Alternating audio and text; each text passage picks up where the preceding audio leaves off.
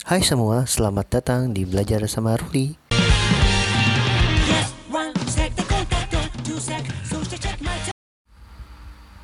Halo teman-teman, apa kabar semua? Ketemu lagi sama gua, Ruli di Belajar sama Ruli. Hmm, gue selalu berpikiran sebenarnya kita tinggal di negara kita ini uh, Indonesia gunanya buat apa sih gitu loh dan kenapa sih kita harus tinggal di Indonesia dan kenapa harus di Indonesia gitu kenapa ada Republik Indonesia di uh, di dunia ini gitu loh. Uh, sampai suatu ketika gue pernah baca-baca dan uh, beranggapan bahwa oh iya ya kita memang terbentuk dari suatu negara ini sebagai sebuah entitas agar uh, kita ada eksistensinya di dunia luar itu loh. Ngomong apa sih luruh tapi emang kayak gitu sih emang uh, dasarnya emang seperti itu gitu loh. Nah uh, kali ini gue mau ngebahas kenapa sih hakikat uh, kenapa ya Indonesia itu dibentuk gitu loh. Atau bisa dibilang juga kita uh, ngebahas mengenai hakikat negara kesatuan Republik Indonesia gitu loh. Nah dasarnya kita lihat dulu nih pengertian negara. Negara adalah sebuah organisasi atau badan tertinggi yang memiliki kewenangan untuk mengatur perihal yang berhubungan dengan kepentingan masyarakat luas serta memiliki kewajiban untuk mensejahterakan, melindungi, dan mencerdaskan kehidupan bangsa ya. Itu pengertian negara menurut Wikipedia gitu kan. Nah, kalau menurut John Locke uh, John Locke dan Jean Jacques Rousseau sendiri hmm, negara merupakan suatu badan atau organisasi hasil dari perjanjian masyarakat Nah, itu menurut dari John Locke dan Jean Jacques Rousseau sendiri ya. Kalau kalian lihat mungkin J.J. Rousseau gitu kan, Jean Jacques Rousseau. Nah, ada juga nih beberapa pengertian negara menurut beberapa ahli. Yang pertama dari Max Weber sendiri menyebutkan bahwa negara adalah sebuah masyarakat yang memiliki monopoli dalam penggunaan kekerasan fisik secara sah dan wilayah tertentu. Secara sah ya oh, berarti kemarin yang Smackdown sah dong nggak boleh tuh protes ya jadi ya nggak boleh protes ya. Udah jangan ngomongin itulah kemudian menurut MacIver sendiri uh, sebuah negara harus memiliki tiga unsur pokok yaitu wilayah rakyat dan pemerintahan. Nah kalau nggak ada rakyatnya ya gimana mau dibilang negara? Orang nggak ada rakyatnya.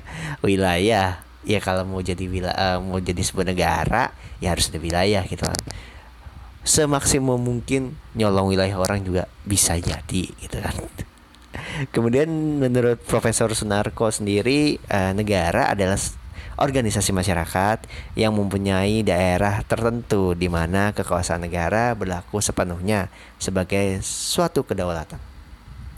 Nah, Kata Prof. Miriam Budiarjo juga uh, memberikan pengertian bahwa negara adalah organisasi dalam suatu wilayah dapat melaksanakan kekuasaannya secara sah terhadap semua golongan kekuasaan lainnya dan yang dapat menetapkan tujuan-tujuan dari kehidupan bersama. Seperti itu. Itu menurut uh, para ahli ya negara.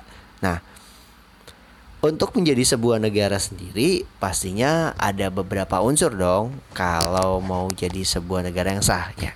Yang paling uh, utama yang pertama yaitu penduduk.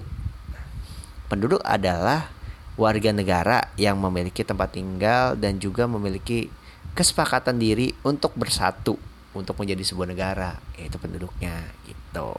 Yang kedua itu warga negara. Wah, ini warga negara yang asli ataupun pendatang ya uh, jadi dari negara lain datang yang sedang berada di negara itu untuk tujuan tertentu nah itu warga negaranya gitu nah kemudian ada juga uh, unsur pokoknya dari negara adalah wilayah. Uh, daerah tertentu yang dikuasai atau menjadi teritorial dari sebuah kedaulatan itu yang biasa disebut wilayah. Nah wilayah adalah salah satu unsur pembentuk negara yang paling utama sih. Kalau nggak ada wilayah gimana mau bentuk negara gitu kan? Ya kalau uh, ada negara tapi nggak ada penduduknya masih bisa sih sebenarnya gitu loh. Ya cuman kijang.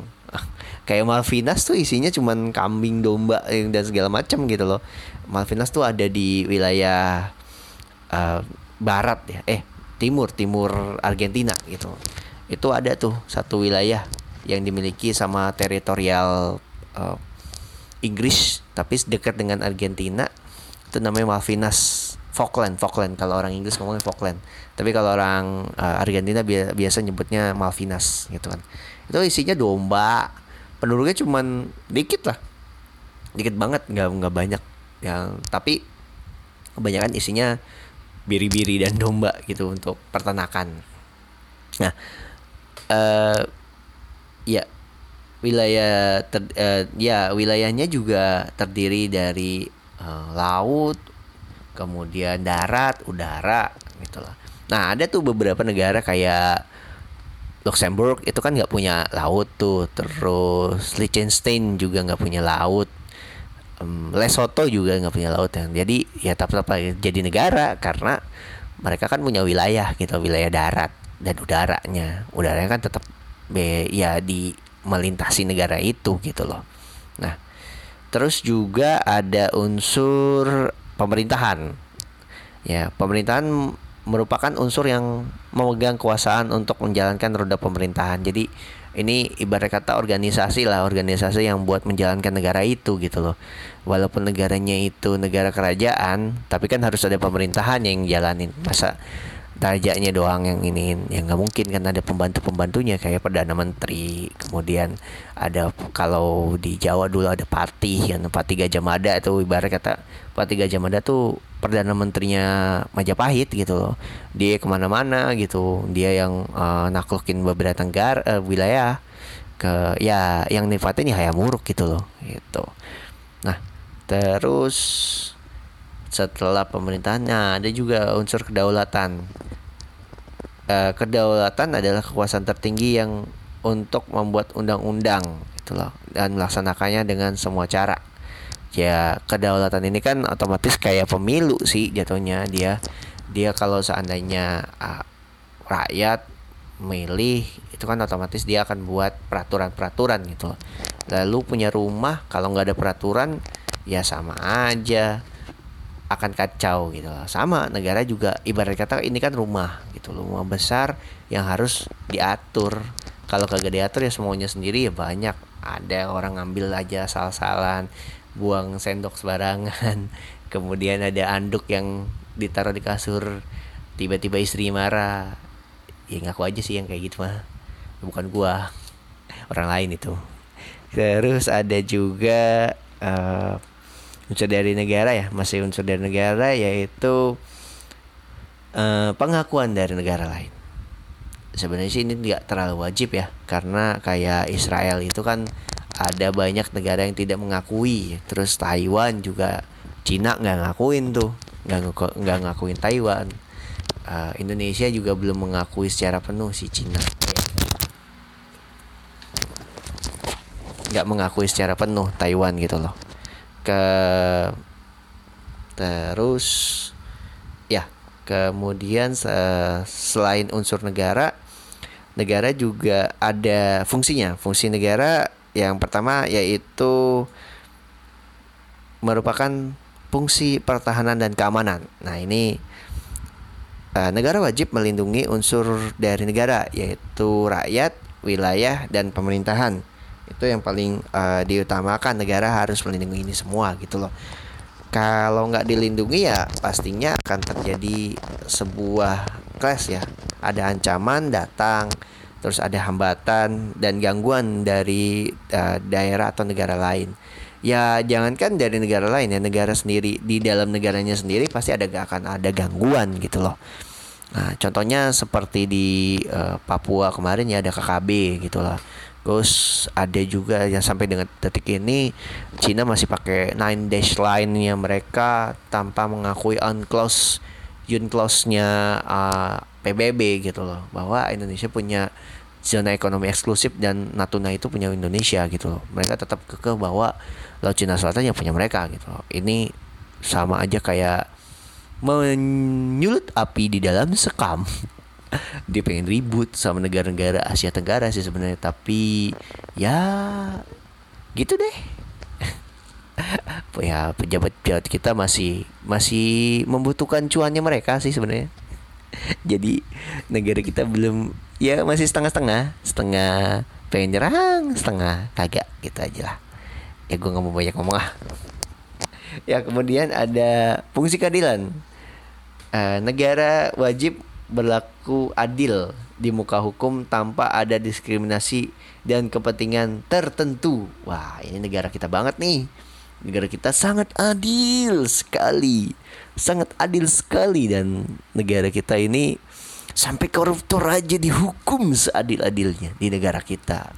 Ada tuh di negara um, Rwanda kayaknya negara Rwanda tuh yang ya uh, rakyat kecil ah dihukumnya paling uh, paling besar lima tahun gitu. Koruptor mereka cuma tiga setengah tahun gitu. Atau bahkan dikasih diskon hukuman. Bahkan dijadikan penyintas korupsi oleh negara Rwanda gitu. Negara kita mah adil. Negara kita mah koruptor diadili seadil-adilnya gitu kan. Nggak ada negara kita mau kayak gitu. Bohong kalau negara kita uh, nggak adil. Adil negara kita mah. Adil benar seadil-adilnya negara kita. Oke. Terus yang berikutnya adalah fungsi pengaturan dan keadilan ya negara membuat peraturan perundang-undangan untuk melaksanakan kebijakan dengan ada landasan yang kuat untuk membentuk tatanan kehidupan masyarakat berbangsa dan bernegara. Nah, ini uh, biasanya negara membuat undang-undang dasar dulu nih. Jadi konstitu konstitusi mereka gitu loh untuk mengatur kehidupan bernegara mereka gitu loh. Jangan ada yang maling, jangan ada yang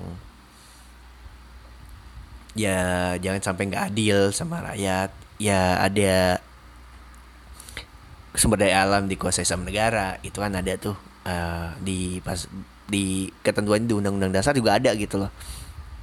Ini yang uh, fungsi dari negara gitu untuk memberikan uh, yang berikutnya nih fungsi negara yaitu melakukan kesejahteraan dan kemakmuran terhadap rakyatnya gitu loh ini semua sumber daya alam dieksplorasi sama mereka kemudian ini manfaatnya bukan dimanfaatkan oleh segelintir orang tapi dimanfaatkan untuk kesejahteraan bersama atau kesejahteraan rakyat. Ada tuh di negara mana ya Burkina Faso kalau salah.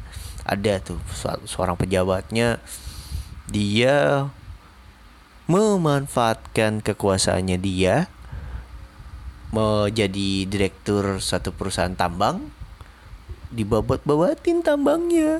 Tambangnya membabat hutan. Dan dia nggak ngaku. Ya di Burkina Faso ya bukan negara kita gitu loh. Jadi kan itu nggak adil ya. Presidennya juga di Burkina Faso anaknya dikasih proyek hmm, tambang batu bara gitu kan. Ya di, di negara kita mah nggak ada nggak kayak gitu. Orang anaknya juara martabak kok di negara kita mah presidennya ya ya nggak ya, ya Pak Jokowi ya Kaisang kan juara martabak ya Pak iya. terus oke okay. kemudian Oh ya, tujuan negara menurut Prof. Miriam Budiarjo sendiri menyatakan bahwa negara dapat dipandang sebagai asosiasi manusia yang hidup dan bekerja sama untuk mengejar beberapa tujuan bersama gitu loh. E, dapat dikatakan bahwa tujuan akhir setiap negara adalah menciptakan kebahagiaan bagi rakyatnya. Nah, Indonesia sendiri tujuannya sudah tertulis di pembukaan Undang-Undang Dasar 1945 alinea keempat yaitu melindungi segenap bangsa dan seluruh tumpah darah Indonesia, memajukan kesejahteraan umum dan mencerdaskan kehidupan bangsa serta mengikut melaksanakan ketertiban dunia. Nah, itu sudah ada tuh Indonesia tujuannya. Tujuan negaranya gitu loh. Jadi ada tujuan uh, negara mungkin ekspansi ya. Kayak Amerika kan dia memang uh, the police of world gitu kan. Setelah Perang Dunia II, Amerika Oh ya, setelah Soviet runtuh, Indonesia, eh sorry Indonesia tuh jadinya gue ngomong uh, Amerika menjadi sebuah uh, negara yang menganggap dirinya adalah polisi dunia. Jadi setiap ada kekacauan dia pasti akan hadir di situ gitu. Kayak di Timur Tengah, kemudian uh, Amerika juga pernah tuh ngirim pasukannya ke Timur Leste pada saat Timur Leste lagi kacau tahun 99. Itu pun meskipun itu dibantu juga oleh tentara Australia seperti itu. Itu dari UN sih, UN karena kan dia termasuk salah satu dewan keamanan PBB gitu kan. Nah, dalam perjalanannya ada berbagai bentuk negara nih Uh, yang pertama yaitu negara kesatuan. Negara kesatuan kayak negara kita nih. Negara kesatuan sendiri bisa dibilang uh, negara yang pemerintahannya pemerintahan tertingginya dilakukan oleh pemerintah pusat yang memperlakukan aturan berdasarkan undang-undang yang berlaku. Nah, pemerintah pusat juga diberi hak untuk dapat melimpahkan kekuasaannya kepada daerah-daerah yang tingkatannya lebih kecil di dalamnya seperti provinsi dan kabupaten, distrik, ya, segala segala macam lah, gitu kan. Nah, pemerintah bisa memberikan hak otonomi daerah kepada daerah di bawahnya untuk dapat menjalankan aturannya sendiri. Namun tentunya tetap berdasarkan aturan dan keputusan dari pusat seperti itu. Ya, negara kita kan nama resminya itu Negara Kesatuan Republik Indonesia ya. Nah, itu karena kan kita kesatuan, jadi dibilangin Negara Kesatuan Republik Indonesia. Ada juga uh, ada tuh nama negara uh, beda dengan nama aslinya. Kalau kita kan Negara Kesatuan Republik Indonesia ada ada unsur yang Indonesia gitu ada satu negara yang uh, nama resminya bukan satu ya banyak sih sebenarnya negara yang nama resminya tuh nggak sama sama nama nama internasional nama panggilannya kayak um, Swiss itu nama nama resminya adalah Confederation Helvetica Helvetia itu uh, nama as nama resminya Swiss ya sebenarnya seperti itu uh, Confederation Helvetica itu negara Helvetia itu negara Swiss seperti itu. Jadi memang uh, dia juga negara kesatuan sih. Uh, berbanding ya ciri negara kesatuan sendiri ya pada da uh, dasarnya negara kesatuan peraturan dasarnya didasarkan pada satu undang-undang negara. Selain itu negara kesatuan juga memiliki hanya satu kepala negara, Dewan Perwakilan Rakyat dan juga Dewan Negara gitu loh. Pada negara kesatuan semuanya terpusat dan berdasarkan dari satu undang-undang tersebut. Pemerintahnya pun terorganisir pada pusat. Hal ini memiliki manfaat yang baik di mana peraturan dan roda pemerintahan pun selalu seragam. Namun ada kalanya mengundang kesulitan sih sebenarnya gitu. Hmm, kalau seandainya kelas daerah sama pusat nih nggak sesuai gitu loh, karena biasanya uh, buat pusat dulu nih baru ke daerah-daerah biasanya kan gitu tuh kalau negara kesatuan uh, yang berikutnya semua hal yang berkaitan dengan kedaulatan negara baik itu kedaulatan untuk urusan dalam negeri maupun urusan luar negeri semuanya diserahkan kepada pusat untuk disetujui dan ditandatangani. Ya gitu sih negara kesatuan. Jadi lebih terpusat gitu. Uh, terus berbagai macam masalah seperti budaya, ekonomi, politik, keamanan, sosial dan pertahanan hanya memiliki satu buah kebijakan saja ya dari pusat aja gitu loh. Kebijakannya nggak bisa sebenarnya uh, daerah membuat kebijakan ya sendiri itu nggak bisa. Ya biar berbanding terbalik dengan uh, negara serikat gitu, negara federal kayak Amerika, uh, UK gitu kan. Itu kan beda mereka ya. Mereka kan bukan negara oh, Australia juga tuh negara federal gitu mereka di setiap wilayahnya punya undang-undang sendiri gitu loh. Kalau kita kan undang-undang dibentuk sama pemerintah pusat gitu loh. Daerah mungkin punya PP atau eh PP PP mah pemerintah ya. Pemerintah pusat, sorry. Ada uh, Perda, ada Pergub atau Kepgub itu kan biasanya daerah gitu loh. Kalau undang-undangan ditetapkan sama pemerintah pusat gitu loh bukan pemerintah daerah. Pemerintah daerah hanya tinggal menurunkan saja dari undang-undang ke misalkan pergub gitu kan atau perda gitu. Nah itu seperti itu. Nah beda dengan negara serikat nih. Negara serikat eh, atau negara federasi ini sangat cocok digunakan oh, sama negara yang cakupannya luas. Ya sebenarnya negara kita sih cocok dengan federasi tapi karena ada satu lain hal dari histori akhirnya negara kita lebih memilih negara kesatuan gitu loh. Takut dijajah lagi sih sebenarnya gitu loh. Takut dipecah belah juga sih. Uh, kalau jadi negara federal takutnya uh, karena kan kita berbeda sih negara kita tuh tidak sama dengan negara Amerika yang subkulturnya sama gitu loh. Mereka kan unsurnya dari Eropa pindah ke Amerika menetap di sana dia pengen bebas gitu loh. Makanya mereka gampang aja jadi negara federal gitu. Kayak Australia juga sama mereka kan pendatang gitu loh. Warga aslinya sih suku aborigin ya ikut-ikut aja gitu loh. Karena kan mereka takut ngomong sedikit dibantai kayak burung emu gitu. Maaf maaf suku aborigin. Saya tidak menyamakan anda dengan emu. Tapi ya ya historisnya orang-orang aborigin memang dibantai sih sama orang-orang kulit putih. Ya sama kayak Indian Indian Navajo, Apache, Comanche, Narance di Amerika itu kan kebanyakan mereka dibantai sama orang-orang pendatang dari Eropa gitu. Ya unsur mereka hampir sama kulit putih, uh, mata biru, rambut pirang, ya udah gitu. Bikin aja negara federal, ngapain? ada kemudian ucuk-ucuk datang orang-orang uh, kulit asing pendatang eh kulit asing tuh kulit hitam datang mereka dijadikan budak ya otomatis kan mereka ikut gitu loh mereka ikut apa yang mereka aturkan gitu. Jadi 13 negara bagian. Eh, saya ingat banget tuh belajar Amerika, sejarah Amerika. 13 negara bagian. Eh, dosen saya dulu galak. Oke okay. aku ngebahas dosen sih jadi. Ya ya oke balik lagi ke negara federal ya negara federal kan bikin undang-undang sendiri dari negara bagian negara bagian. Eh berkata kalau negara bagian tuh ya beda sih sama provinsi. Kalau provinsi kan perda ya kalau negara bagian tuh mereka nggak tahu sendiri gitu loh.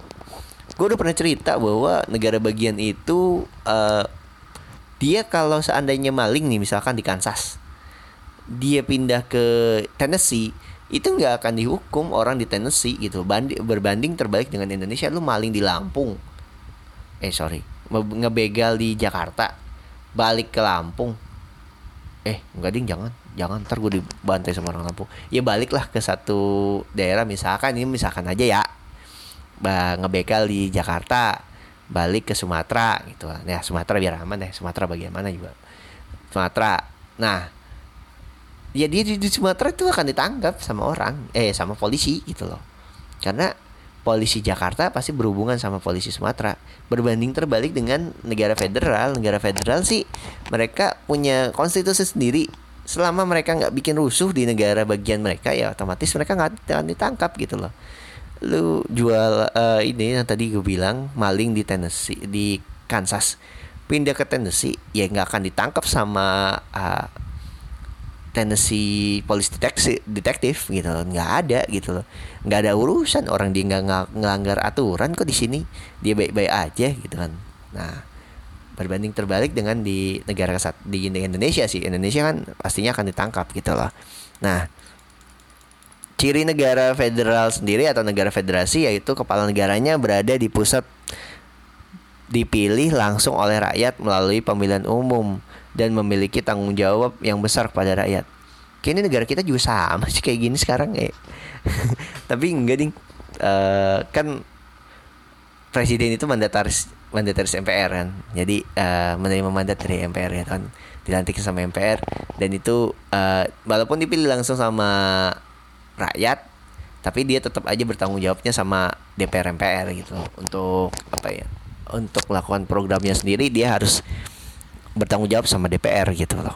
Nah, yang berikutnya ciri negara federal sendiri setiap negara bagian di dalamnya memiliki kekuasaan asli terhadap daerah sendiri namun tidak memiliki kedaulatan sebab kedaulatan negara tetap dipegang oleh negara pusat eh negara kepala negaranya gitu lah.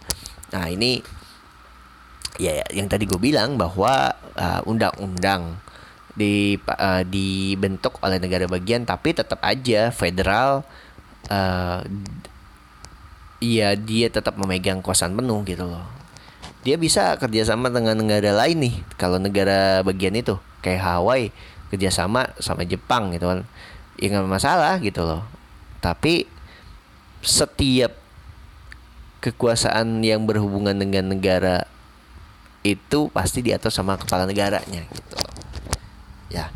Berikutnya uh, setiap negara bagian itu berhak mengatur undang-undangnya ya nih gue bilang nih. Namun tetap harus selaras dengan undang-undang yang ada pada pemerintah pusat. Itu. Ini yang gue bilang nih. Ada satu uh, wilayah kayak Arizona itu mereka melarang makan kangkung. tapi di Tampa Bay eh sorry Florida Tampa Bay uh, negara bagiannya Florida ya Florida itu ya makan kangkung makan kangkung aja nggak ada masalah gitu loh di uh, New York hmm, ilegal katanya sih makan kangkung sana nggak boleh uh, water spinach nggak boleh tapi di Texas boleh-boleh aja nggak ada masalah gitu loh nah kemudian pemerintah pusat juga memiliki kedaulatan bagi negara bagian terutama untuk urusan yang berkaitan dengan bagian luar gitu loh. Sedangkan pada urusan dalam negara dalam negara bagian pemerintah pusat memiliki sebagian kedaulatan. Jadi nggak penuh nih.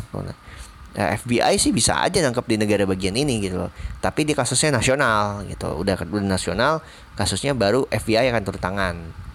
Tapi kalau sifatnya lokal itu FBI nggak akan turun tangan kalau dia sifatnya sudah mengancam negara otomatis nih FBI akan turun tangan itu kan Federal Investigation kan dia FBI itu kan dia ibarat kata itu polisi negara nah negara pusat lah gitu kalau yang di negara-negara bagian biasanya kayak New York PD polisi detektif uh, kan gitu kayak LAPD kan. Dia polisi detektifnya situ gitu loh. Florida polisi detektif FL gitu biasanya gitu. Oke. Nah sebenarnya yang tadi gue omongin Indonesia nih bersatu membentuk negara sebenarnya kenapa sih gitu ya cikal bakalnya sih sebenarnya dari 28 Oktober 1928 ya Sumpah Pemuda gitu loh menyatakan bahwa ya kita berbangsa satu bangsa Indonesia baru bertumpah darah satu tanah air Indonesia menjunjung bahasa persatuan bahasa Indonesia gitu ini sumpahnya mereka gitu dalam artian ya lu walaupun orang Ambon, orang Borneo, orang Celebes, orang uh, Sumatera, orang Jawa, ya tetap satu gitu loh kita. Kita punya kesamaan, yaitu sama-sama pernah dijajah, bukan pernah ya, sedang dijajah pada saat itu, sedang di, dijajah oleh bangsa asing. Kita satu deh, biar kita apa merdeka itu. Itu persamaan dari orang Indonesia sih sebenarnya kalau gue bilang ya. Uh, jadi persamaan mereka ya ya pernah dijajah wow, kita tuh pernah dijajah otomatis sebaiknya kita bersatu buat melawan penjajahan itu gitu loh terus yang berikutnya uh, kita adanya keinginan bersama untuk merdeka yang tadi bilang setelah dijajah otomatis kita udah lama nih dijajah kapan kita merdeka otomatis kita harus merdeka gitu loh itu yang keinginan uh, kenapa akhirnya membentuk negara gitu Indonesia. Yang berikutnya adanya kesatuan tempat tinggal yaitu wilayah Nusantara. Makanya pada saat uh, Malaysia merdeka Soekarno agak sedikit marah gitu loh. Karena wih sama kok kita rasanya sama. Kenapa lu merdeka sendiri dikasih lagi sama Inggris. Akhirnya Soekarno sempat bilang ganyang Malaysia kan karena kenapa dianggap negara boneka sama Soekarno ini negara bonekanya Inggris nih tapi akhirnya ya setelah Soekarno uh, wafat menjadi almarhum ya Indonesia tetap berdamai gitu loh ya mau gimana lagi masa kita perang mulu sih? Sampai tahun 70 aja akhirnya Indonesia banyak tuh ngirimin guru ke uh, Malaysia buat membangkitkan pendidikannya Malaysia gitu. Terus yang berikutnya uh, faktor yang penting ini membuat jadi negara Indonesia itu adanya cita-cita bersama untuk mencapai kemakmuran dan keadilan sebagai suatu bangsa. Nah ini, ya itu sih udah tercantum sih sebenarnya di undang pembukaan undang-undang dasar gitu loh bahwa kita ini tujuannya satu gitu buat mensejahterakan gitu loh, mensejahterakan rakyat gitu loh, ikut melaksanakan ketertiban dunia gitu itu tujuan kita membentuk negara. Nah, dari unsur historis sendiri uh, ini bisa dibilang Indonesia itu sangat kuat dari unsur historisnya gitu loh. Makanya ketika kemarin maaf nih Mas Nadim ya, pas Mas Nadim mau uh, ngilangin pelajaran sejarah, saya pikir itu suatu blunder besar karena negara ini dibentuk karena adanya unsur historis yang cukup panjang dari negara ini. Negara ini. Berbanding terbalik sih dengan negara-negara kayak Singapura. Singapura kan negara yang kecil gitu loh. Historisnya kagak panjang kayak Indonesia. Dia wilayah jajahan dari Sriwijaya terus dijajah lagi sama Inggris dijajah lagi sama Malaysia kemudian terus merdeka. Ya sama aja gitu loh. Gak ada bedanya.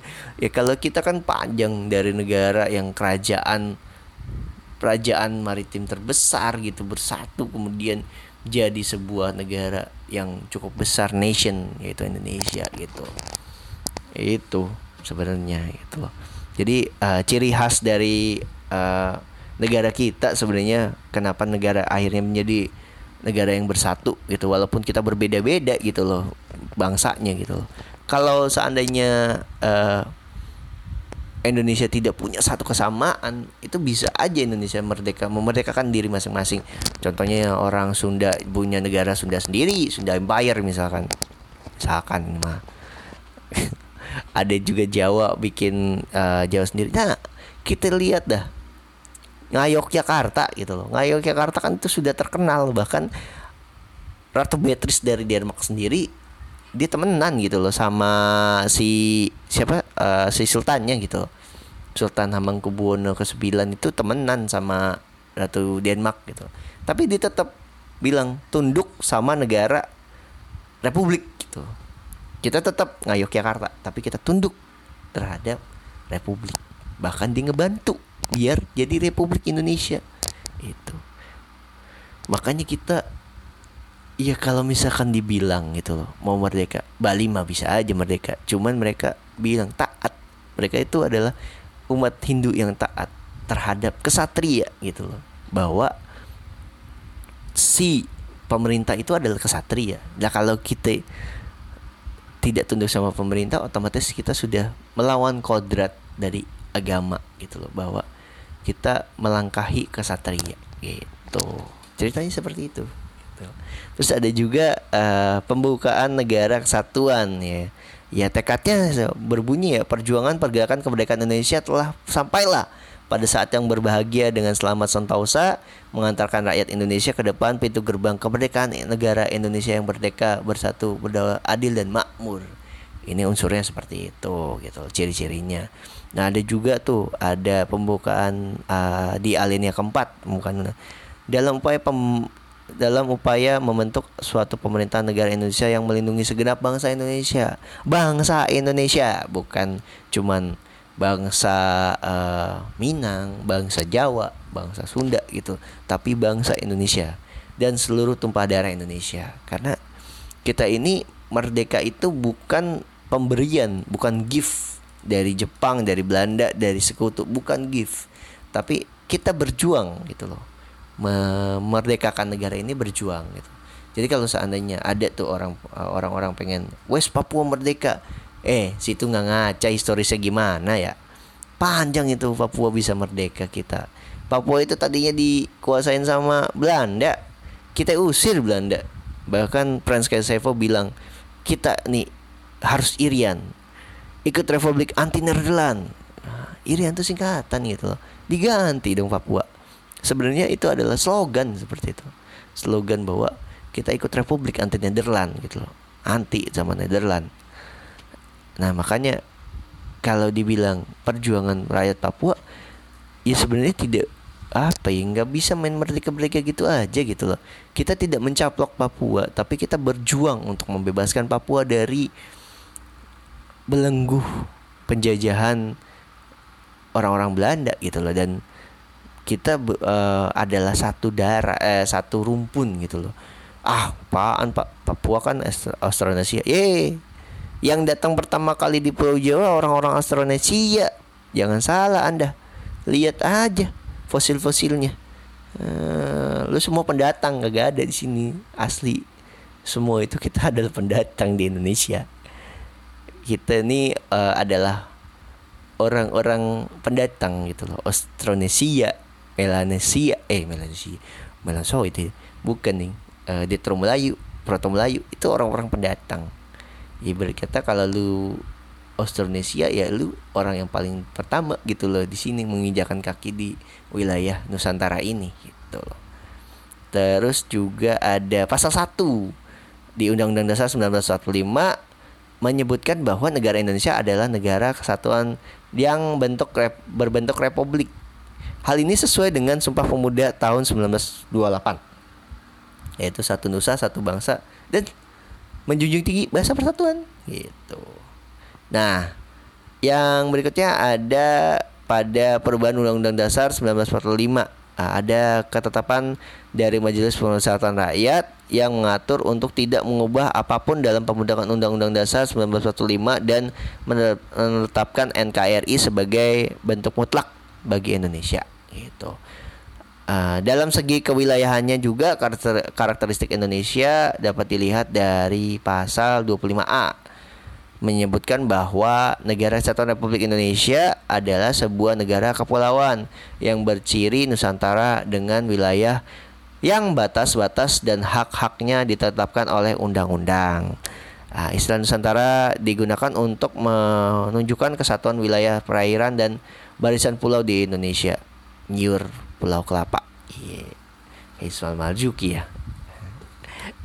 Ismail Marzuki kan rayon Pulau Kelapa. Yeah ya emang kita negara negara kelapa sebenarnya gitu ya isti seperti itu jadi ya kalau misalkan merdekakan negeri wilayah ini udah kayak ngaca dulu. Kita itu berdasarkan historis panjang banget bro. Situ kalau bilang merdeka merdeka belajar sejarah lagi deh sekolah. Penuh dengan darah. Bayangin saja. Di Ponorogo mau merdeka dari Belanda dia sampai ditangkap dibuang ke Makassar. Kemudian siapa lagi tuh? Hasanuddin deh. Hasanuddin berusaha biar orang-orang nih nih kompeni ini kagak datang gitu loh ke wilayah dia sampai dia harus ngalah gitu loh. Udah ngalah. Itu ada lagi kayak Cut Nyadin deh. Aduh Cut Nyadin lebih parah paling parah itu. Suaminya dibunuh dia diasingin ke suka se Ciamis ya Ciamis. Ke Ciamis bahkan meninggalnya bukan di negeri rencongnya dia gitu loh. Di pengasingan. Ya begitulah. Ya. banyak sekali gitu. Makanya kalau dibilang negara kesatuan Republik Indonesia NR, NKRI deh harga mati. Karena unsur historisnya panjang. Kalau ada yang mau bilang merdeka kan merdeka kan. Ngaca dulu bro. Lu jangan mau diasut sama asing kita ini sedang dimainkan oleh asing. Oke. Wah gue udah kelamaan nih ngomong. Sekian dari gue nih. Uh, sampai jumpa di kesempatan berikutnya. Semoga bermanfaat dari ucapan-ucapan gue ya kalau gue ada salah mungkin datangnya dari gue ya bukan dari lu semua. Terima kasih sudah mendengarkan belajar sama Ruli. Sampai jumpa di kesempatan berikutnya. Dadah.